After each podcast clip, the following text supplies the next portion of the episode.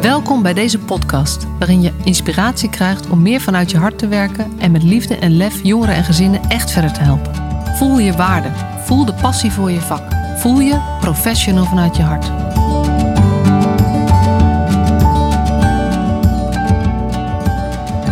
Ja, welkom bij deze première van de Donderdag podcast van de Professional vanuit je hart podcast. Je was gewend tot nu toe dat er één podcast per week online kwam, namelijk op maandag. En dat dat altijd een aflevering was van nou ja, 45 tot 50 minuten.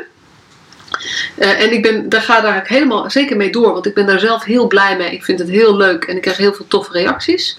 En ik hoor soms van mensen dat ze het uh, gesprek te lang vinden. Niet per se omdat het te langdradig wordt, maar wel omdat het gewoon qua tijd te lang is. Dus ik ga een experimentje aan en ik ga een, de komende weken ook op donderdag een kortere podcast uh, publiceren. En ik ga eens kijken hoe dat mij bevalt en ook hoe dat jullie bevalt. Want uh, uiteindelijk gaat het, maak ik hem voor jullie. Dus ik hoor dat ook heel graag van je terug. Um, het is een experiment. Ik ga het op een, aantal manieren uitproberen. En uh, nou ja, je zal vanzelf merken wat ermee gebeurt. Of die op een gegeven moment verdwijnt of dat die juist uitgebouwd gaat worden. Um, en ik heb dat vorige week gecombineerd met een experiment op Clubhouse. Clubhouse ben ik heel enthousiast over. Het is een nieuw social media-achtig iets. Waar je uh, letterlijk gesprekken kunt voeren met mensen die je verder niet kent. Maar gewoon door elkaar daar te treffen in een room, in een kamer. Dus ik heb een Clubhouse room georganiseerd. Waarin ik eerst met iemand een podcast opgenomen heb. En daarna in gesprek ben gegaan met de luisteraars die erbij waren. Heel tof experiment met wat haken en ogen. Dus ik weet nog niet hoe ik daarmee verder ga. Maar de podcast waar je naar gaat luisteren, het gesprek, um, is daar wel opgenomen. Dus dat verklaart ook even de inleiding die ik zo meteen uh, ga geven. Uh, en dit is een gesprek met Greet Volk. Die kan je kennen uit podcast nummer 10 over posttraumatische groei. Uh, je hebt dat thema ook al vaker terug horen komen in mijn podcasts, omdat ik daar ontzettend enthousiast over ben. En denk dat het ons heel veel kan brengen. En het gesprek wat wij zo meteen hebben, wat jij, waar je zo meteen naar gaat luisteren, gaat daar wat dieper op in. Waarom denk ik dat het zo waardevol is om dit gedachtegoed bekender te maken, juist binnen onze jeugdsector? En ik uh, vertel daar ook iets over hoe dat, wat ik erin herken. En um, uh, ook wat, de, uh, ja, wat we ermee willen gaan doen. Dus um, ja, ik zou zeggen, luister ernaar. als je nog wat meer wil weten over posttraumatische groei, kan je de podcast nummer 10 terugluisteren. Of je kan je opgeven voor een van de inspiratiesessies waar ook over uh, verteld wordt in, uh, uh, in de opname. en daarvoor kun je gaan naar de website www.sterkerdoorellende.nl. Veel plezier bij het luisteren. Ja, nou welkom weer. We zijn bij, uh, in, op Clubhouse en we proberen tegelijkertijd een podcast op te nemen. Dat is nog niet elke dag gelukt deze week. Het ging een paar keer mis, dus dit is weer even een nieuwe, nieuwe poging. In ieder geval heel erg leuk. Greet, uh, welkom. Dank je. Jij Leuk, bent, uh, ik heb er zin in. Jij bent uh, voor mij, uh, wij hebben elkaar leren kennen toen, toen we vorige keer een podcast hebben opgenomen. Ik ben Marcia Struik, ik heb de Professional vanuit je hart podcast. en nou ja, wat, alles wat ik doe is gericht op, op liefdevolle en gelijkwaardige jeugdzorg. Door professionals te helpen meer vanuit hun hart te werken. En wij hebben een podcast opgenomen over posttraumatische groei. Waar ik enorm door geraakt ben, geïnspireerd ben. En in mijn hoofd um, ontzettend veel mogelijkheden zie. Dus ik dacht het is heel tof om daar met elkaar over door te praten. Um, en ja, misschien wel een leuke vraag om even mee te beginnen. We hebben, we hebben het ook een beetje over gehad. Hè? Het jeugdzorgveld ken jij niet zo goed. Klopt. Jij komt uit een, een heel andere achtergrond. Um, kan je iets zeggen over wat jij, wat je zo. Nou ja, weet je, we hebben daar al eerder over gesproken. Waarom denk jij dat het een goed idee zou zijn, dat posttraumatische groei, om dat juist ook binnen de jeugdzorg bekender te maken? Misschien even in een paar tellen ook wat het is, posttraumatische groei. Want er zijn mensen die dat misschien niet weten. Oké, nou, posttraumatische groei. Ja, ik ga even heel kort iets over dat woord trauma zeggen. Want mensen hebben daar een beeld bij, hè, altijd dat trauma heel groot is. Nou, er zitten twee woorden in: trauma en groei. Nou, en, en ja, het komt er dus op neer dat je kunt groeien van de ellende in je leven. Alleen in de wetenschap van posttraumatische groei wordt trauma veel breder gedefinieerd. Dus allerlei vormen van ellende die je mee kunt maken in je leven, kunnen uiteindelijk, hè, het gaat wel echt om uiteindelijk, leiden tot groei. En um, ja, er is heel vaak heel veel aandacht voor klachten die mensen hebben. Ehm, en dat is eigenlijk ontzettend jammer, want als je focust op de klachten die mensen hebben, dan, ja, dan als je mazzel hebt, bereik je dan herstel. Maar als je kijkt naar hun krachten, dan kunnen ze juist groeien van ellendige periodes in hun leven. Dat is een eh, hele. Nou, ik vind het wel knap hoe je, dat, eh, hoe je dat even zo samenvat in een paar zinnen. En dat is ook leuk, hè, want jullie website en de, en de, de ondertitel van jullie boek is ook Sterker door ellende. Ja, dat klopt. Zo hebben we de naam van de website ook genoemd. Gewoon. Ja, ja. ja. Ja, en het maar krachtig. ja, en uh, jullie missie is posttraumatische groei bekender maken dan posttraumatische stress. Of net zo bekend. In ieder geval. Of bekender. bekender, ja. ja. Ja, nee, dat is heel bewust gekozen. Zo van, hè, er is, um, nou ja, juist omdat er zoveel aandacht is voor krachten, klachten altijd, hebben we gezegd, nou, je moet eigenlijk Ehm, zorgen dat dit zo bekend wordt dat er veel meer mensen juist in, in, in tijden van ellende naar hun krachten gaan kijken. Waardoor ja, uiteindelijk ehm, ja, zo'n periode blijkt waardevol te zijn geweest. We zijn, we zijn wel altijd heel zorgvuldig daarin. In de zin van dat uh, het is geen happy de peppy verhaal. Hè? Zo van, van nou, je, je, hebt zo'n periode gehad, uh, pijn is fijn en zo. Nou, dat is het absoluut niet, integendeel. Maar als je er uiteindelijk sterker uitkomt, um, ja, dan blijkt zo'n periode dus ook, ook heel waardevol te kunnen zijn. En dat maakt dan ook dat mensen het anders gaan labelen. En dat het niet meer alleen maar ellende is, maar dat dat, en dat de beladenheid die dat met zich meebrengt er ook afgaat. Maar dat het dus uiteindelijk ook een label uh, ja, groei krijgt. Ja. Je, je, hebt soms dan zelfs dat mensen zeggen van nou, uh, het was waardeloos, maar ik had het niet willen missen. Doordat ze er zoveel van gegroeid zijn. Ja. Ja, en dat is zeker mensen die een burn-out bijvoorbeeld gehad hebben. Ik ken een heel aantal mensen die dat inderdaad zeggen. Weet je, ik had, ik had die burn-out niet willen hebben, maar ik had hem ook niet willen missen. Ja. Dus uh, ja. Nou, en weet je, je kan hier zo, jij kan hier uren over vertellen. Dus we gaan, we gaan even de, de topic, als je dat wil, weet je, de, de podcast nummer 10 gaat daarover, gaan we er ook wat dieper op in. Maar ik vind het wel leuk om even het bruggetje te maken, want ik, nee, ik, vond, ik kende het niet. En toen zei je ook, dat is ook niet gek, want eigenlijk uh, in uh, Amerika, de Verenigde Staten, is het echt een, het is een groot wetenschapsgebied. Maar in Nederland is het nog vrijwel onbekend. Ja, nou het is niet alleen in Nederland hoor, over de hele wereld. En met name, ja, het is, een, het is, ja, het is al 25 jaar een uh, wetenschapsgebied, maar inderdaad nog heel onbekend. En het heeft, heeft te maken met uh, ja, dat wij heel erg geneigd zijn, ook in, in de gezondheidszorg. Hè, dat, zo is het systeem nou een keer ge, ja, gecreëerd door, door, door ons allen. Um, ja, dat we vooral moeten kijken naar wat voor klachten heeft iemand, wat voor diagnose heeft, hangt daarbij of past daarbij en hoe kunnen we dan vervolgens die klachten verminderen. Ja. En waardoor je eigenlijk maar let op de helft van het speelveld en de belangrijkste helft, hè, je kijkt naar de klachtenkant, maar de belangrijkste helft, de krachtenkant, die, uh, ja, die sneeuwt dan onder. Ja. Ja, en ik, ik weet nog zo goed tijdens die podcast ook, um, want ik had jullie boek uh, van tevoren ge gekregen, grotendeels gelezen. En voor mij was het echt een feest van herkenning. Want uh, um, nou, misschien sommige mensen die hier naar luisteren, die weten het wel, maar ik heb, um, ik heb mijn jeugd als niet zo, niet zo makkelijk ervaren. Uh, dat, ik, ik, ben, ja, ik voelde me erg alleen als kind. Uh, dat ik uh, weinig steun had, weinig steunbronnen ook had. Um, en ook, ja, als je het heel bottom line dat ik mezelf als waardeloos ervaren heb. Mm -hmm. um, en het is best wel ja, zeg maar een soort van worsteling geweest om te zijn naar wie ik nu ben. En, en in mijn boek, mijn eigen boek, staat ook ergens: uh, ik ben door dat proces wat ik door ben gegaan, van een sombere tiener, twintiger naar een blije veertiger gegaan. Ja, prachtig. Nou, wat ja. dat gaat, denk ik, ben je een schoolvoorbeeld van posttraumatische groei. En, en ik vind de woorden die je daarvoor gebruikt ook, dat, dat is echt wel heel mooi. Want eh, nou, wij geven natuurlijk ook veel les over dit soort dingen. En een van de dingen die ik altijd benadruk is, jij gebruikt het woord worstelen. Nou, posttraumatische groei is eigenlijk uh, twee begrippen. Het is, is een resultaat die je uiteindelijk kan bereiken, maar het is ook een proces. dus het zijn twee begrippen in één. En dat proces is echt een worstelproces.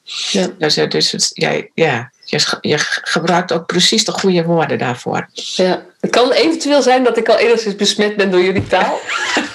Dat, want we hebben elkaar veel gesproken. Omdat, weet je, het is, als ik, ik vond het ook mooi zoals je dat net zei. Dat je achteraf zegt, ehm, het was heel naar, maar ik had het niet willen missen. Weet je, als ik naar mezelf kijk als kind. Ik was echt een, um, nou, ik was een, een eenzaam kind en ik had het echt moeilijk. En uh, mijn ouders konden echt niet, ja, konden mij niet geven wat ik wel nodig had. En nou ja, daar kun je heel dramatisch over doen, maar zij, zij gaven het beste wat ze hadden. Alleen ik, voor mij, zat, ik zat wel klem, zeg maar. En, en daar heb ik ook wel echt heel veel last van gehad. Ehm, maar als, en er zijn nog wat andere dingen ook gebeurd, maar als ik kijk naar wie ik nu ben en wat ik nu doe, dan zeg ik ook, juist die, ehm, die start die ingewikkeld was en juist dat proces wat ik door heb moeten gaan met te worden wie ik nu ben. Weet je, of eigenlijk naar boven te halen wie ik al was. Of kan je ook allerlei termen aangeven. Maar om, te staan, om ook te kunnen doen wat ik nu doe, heeft wel te maken met diezelfde ehm, lastige jeugd. Dus nou, ik, ik vond heel veel herkenning in het verhaal. En ik dacht ook meteen: wow, al die kinderen, maar ook al die ouders die, ehm, die in, nou ja, in die nare situatie zitten. En ook ervaren van wat, weet je, wat is het ingewikkeld, dit leven. En um, die ook heel veel stempels krijgen. Wat in ons veld gewoon gebeurt, zeg maar. En gelukkig is het een beetje een tegenbeweging, maar het gebeurt nog steeds. Ik zou ze zo gunnen dat we eigenlijk ook dit, deze uitkomst uh, zouden kunnen toevoegen aan um, uh, mogelijke uitkomsten. Een soort hoopvol uh, traject of zo bieden. Ja, nou ja, dat is precies waarom wij begonnen zijn met het delen van dit gedachtegoed. Omdat echt, ja, zoveel mensen wordt eigenlijk tekort gedaan. En als je inderdaad vanuit dit gedachtegoed naar mensen kijkt, dan kijk je gewoon naar de mens in plaats van um, naar. Um, ja, wie ze zijn. Nou, in de, in de jeugdzorg bijvoorbeeld. Hè, ik, nou, en wat jij net zei, ik kom niet uit de jeugdzorg, maar ik praat natuurlijk wel met jeugdzorgprofessionals. En dan, eh, ja, dan hoor je heel vaak termen van, nou ja, hechtingsproblematiek en trauma's en, en, en dat soort dingen. En dat zijn allemaal terechte dingen. Maar wat je, eh, als je daar vooral mee bezig bent, wat, uh, hoe, hoe zit dat dan precies? Dan kijk je ehm, te weinig naar wie het kind nou eigenlijk precies is. En in die zin ehm, vind ik wel grappig, want jij begon met, uh, nou jij komt niet uit de jeugdzorg, maar ik eigenlijk denk ik, uh, maar ja, vraag ik mij wel eens af, dit gedachtegoed. Uh, ik denk dat het nauwelijks anders is voor oudere mensen, voor volwassenen, zogenaamde volwassenen. Dat zijn ook heel vaak groot gegroeide lichamen en nog niet volwassen mensen, zullen we maar zeggen. Ehm, dan um, ja, het is eigenlijk niet zo heel veel anders. Je kijkt gewoon, ja, tuurlijk hebben de mensen ellende, maar kijk vooral naar de, het individu. En wat zijn diens, kwaliteiten en krachten? En, en nou, jij, bent dan zelf daar een prachtig voorbeeld van. Ik denk dat uh, voor heel veel kinderen dat geldt. En als je op hele jonge leeftijd daar al mee begint, dan hoeven ze niet nog een keer op hun twintigjarige leeftijd uh, uh, nog um, heel veel te worstelen, maar uh, kunnen ze al eerder met dat proces beginnen en kijken naar wat levert dit ook op. Dat weten we ook overigens uit wetenschap. Kinderen zijn veel flexibeler, die kunnen veel, hè, die ma leren makkelijker groeien van ellende dan volwassen mensen. Ja, en wat mij dan triggert in wat je zegt, en wat mij, wat mij toen ook raakte, waar ik over nadenk, is. Um, er is ik denk als je het vergelijkt met 20 jaar geleden, toen hadden we het in de jeugdzorg nog, nog niet over trauma. Toen hadden we het nog meer over gedrag, zeg maar. Um, en er is nu wel meer aandacht voor, hey, we slaan een stuk over, want een kind met ADHD of borderline stempel, heel vaak ligt daar een trauma onder. Dus, dus die stap zijn we nu aan het maken. Uh dus in ieder geval iets meer kijken naar hoe komt het dat, dat een kind of een, een ouder zich op een bepaalde manier gedraagt. Want het gaat ook bijvoorbeeld over ouders die, uh, die getraumatiseerd zijn. Maar wat ik nu zie gebeuren is dat het trauma krijgt alle focus. Dus we hebben het over traumabehandeling voor ouders. We hebben het over nou ja, ik, ik, weet zoveel kinderen en zoveel jonge, jonge volwassenen staan op de wachtlijst voor traumabehandeling. En die hebben het gevoel dat ze pas hun leven kunnen oppakken als die trauma's behandeld zijn.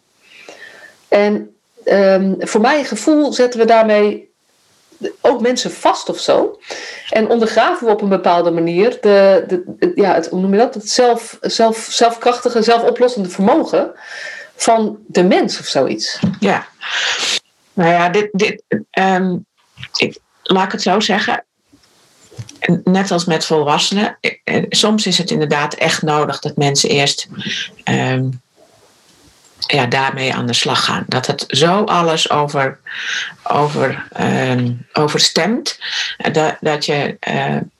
Ja, dat je nauwelijks meer ziet wie, wie of wat daaronder zit, laat ik het zo maar zeggen. Soms is dat echt wel nodig.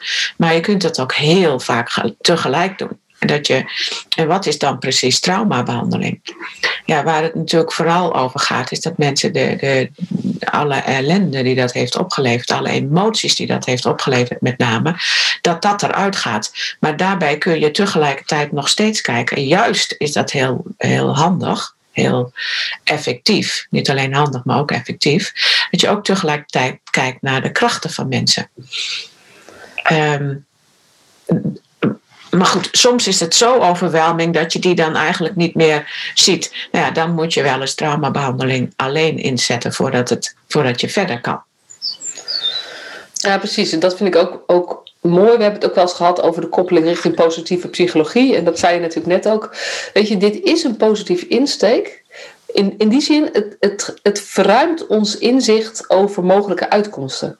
Het vergroot, zeg maar, um, je zei vorige keer, onze gezondheidszorg en onze, eigenlijk is onze jeugdhulp ingesteld op tot en met herstel. En als je weer redelijk meedoet, zijn we eigenlijk klaar. En het toevoegen van dit gedachtegoed betekent dat we zeggen: nee, we gaan niet tot je weer redelijk meedoet, maar we gaan tot je eigenlijk sterker bent geworden door die ellende. We gaan kijken of dat ook een pad is wat voor jou zeg maar, wat, wat jij kunt afleggen. En ja. dat gun ik iedereen. Ja, nou ja, je moet wel een beetje uitkijken met dat dat een soort verplichting wordt. Hè? Zo van, hè, dat je er ook nog van moet groeien van de ellende. Maar het is, eh, als je eh, dat pad op die manier, hè, de, hè, wat ik net zei, het is een, een proces en een, en, en een resultaat. En als je dus op de, de, de PTG-procesmanier eh, met de ellende van mensen omgaat, ja, dan kun je ook uiteindelijk groeien. Maar je moet wel een beetje voorzichtig zijn in dat het niet een verplichting is. Maar wat ik wel mooi vind, wat jij net zei, van hè, um, een van de resultaten van uh, posttraumatische groei is uh, verruiming van de identiteit. En dat vind ik zo'n prachtig woord. Maar daar, daar gaat het dus wel over. En, uh, en dat is met kinderen niet anders dan met, met mensen. Dat, dat je ontdekt wie je nog veel meer bent dan je eigenlijk dacht dat je was.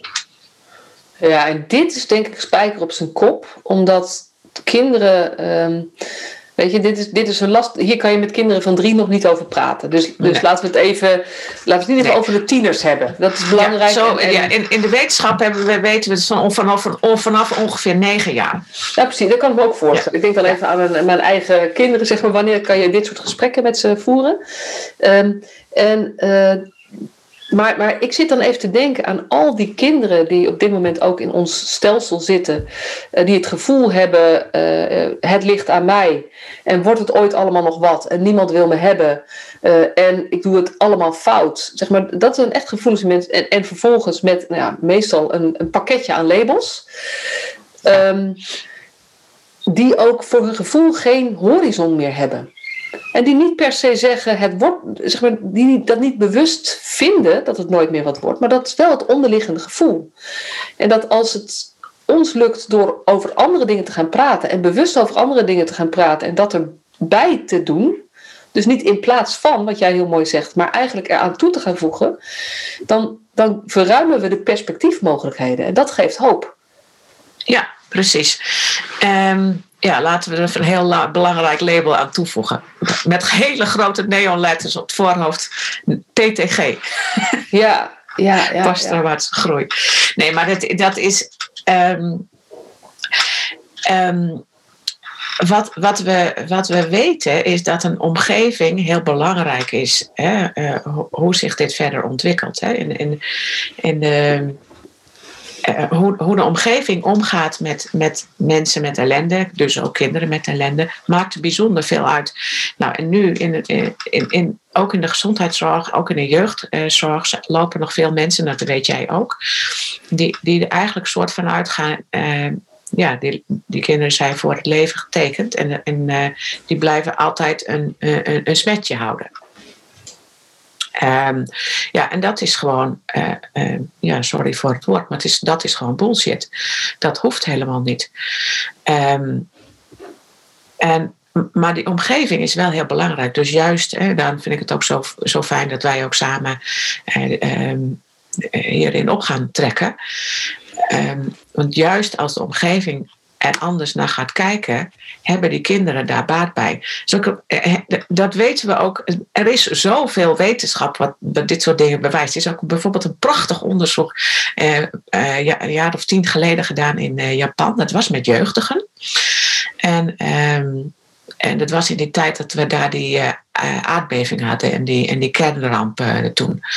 Ik weet niet of je dat nog herinnert. Ja, ik weet dat nog wel. Ja. ja nou, en toen hebben ze, uh, het was natuurlijk doffe ellende voor iedereen in het land. En toen hebben ze een onderzoek gedaan waarbij uh, kinderen de PTSS, de posttraumatische stressvragenlijst en de posttraumatische groeivragenlijst ingevuld hebben. En daarna kreeg uh, de helft van die groep les in wat is nou eigenlijk posttraumatische stress. En de andere kreeg les in wat is nou eigenlijk posttraumatische groei. En na een aantal maanden kregen, werden die vragen opnieuw uh, gesteld, hè, die, die vragenlijst. Nou, dan had je al een enorm verschil. Uh, er zat, uh, dus de kinderen die, die, les hadden gehad in posttraumatische groei, die hadden dat ook veel meer bereikt dan de kinderen die les hadden gehad in posttraumatische stress. En dan denk je, hoe kan dat? Nou ja, eigenlijk is het hartstikke logisch. Um, hij heeft. Um, als je aandacht hebt voor stress, dan gaan mensen zeggen van ja, oh heb ik dat ook en hoe zit dat bij mij? En dan, en dan vind je altijd wel iets. Hè? Maar als je kijkt naar uh, dat mensen hebben les gehad in posttraumatische groei. En, oh, hoe zou dat bij mij zitten? Hoe zou dat werken? Nou, en dan gaan ze daarmee aan de slag. Dus het is eigenlijk hartstikke simpel. Ja. En, um, en, en dus zijn jeugd, hè, mensen die in de jeugdzorg werken, super belangrijk. Uh, in, in, die, dat is de omgeving voor, voor de kinderen. Ja. Ja, en ik moet ook zo denken aan de ouders van deze kinderen. Die ook, uh, nou ja, in ieder geval worstelen op het moment dat ze met jeugdzorg te maken krijgen. Ja. En die daar ook vaak, weet je, dan gaat het ook over de dingen die niet goed gaan. En we ja. zeggen wel vanuit het oplossingsgericht werken, we besteden aandacht aan krachten. Maar als ik heel eerlijk ben en ik kijk hoe we dat in de praktijk doen, is er nog veel winst te halen. Mm -hmm. En ik denk dat, het, dat dit gedachtegoed bekender maken en ook de voordelen van, gecombineerd met ook praktische tips en tricks. Want weet je, we hebben het nu even heel algemeen uh, en, en met, met, wetenschappelijk onderzoek. Maar dit is ook heel praktisch te maken met wat ik doe. Ja, ja, ja, vraag van je houding. Ja. Dat, dat we gewoon um, uh, voor iedereen heel veel meer hoop kunnen geven. En ook dat, dat werken ook uh, leuker wordt voor jeugdzorgwerkers. Want het werken met krachten en zien dat iemand groeit, doet, geeft jezelf natuurlijk ook heel fijn gevoel. Terwijl als je kijkt naar klachten van iemand, en daar kan, daar kan je zelf ook somber van worden. Ja, nee, dat klopt. En um, nou ja, jij weet, hè, wij geven ook workshops. En er zitten nu in, inderdaad regelmatig ook mensen vanuit de jeugdzorg in. Dus ik had laatst een orthopedagoog en een, en een gedragswetenschapper. En die gaan dan ook meteen daarmee aan de slag. En die komen dan ook inderdaad met hele positieve verhalen terug. Je hebt. Je, ja, het, je hebt een heel ander. De insteek in het gesprek wordt ook meteen heel anders. Ja. En, ja. en dat, dat kan eigenlijk ja, simpelweg door anders te benaderen, ja. eh, andere insteek te nemen, krijg je al ja, een heel ander soortig gesprek.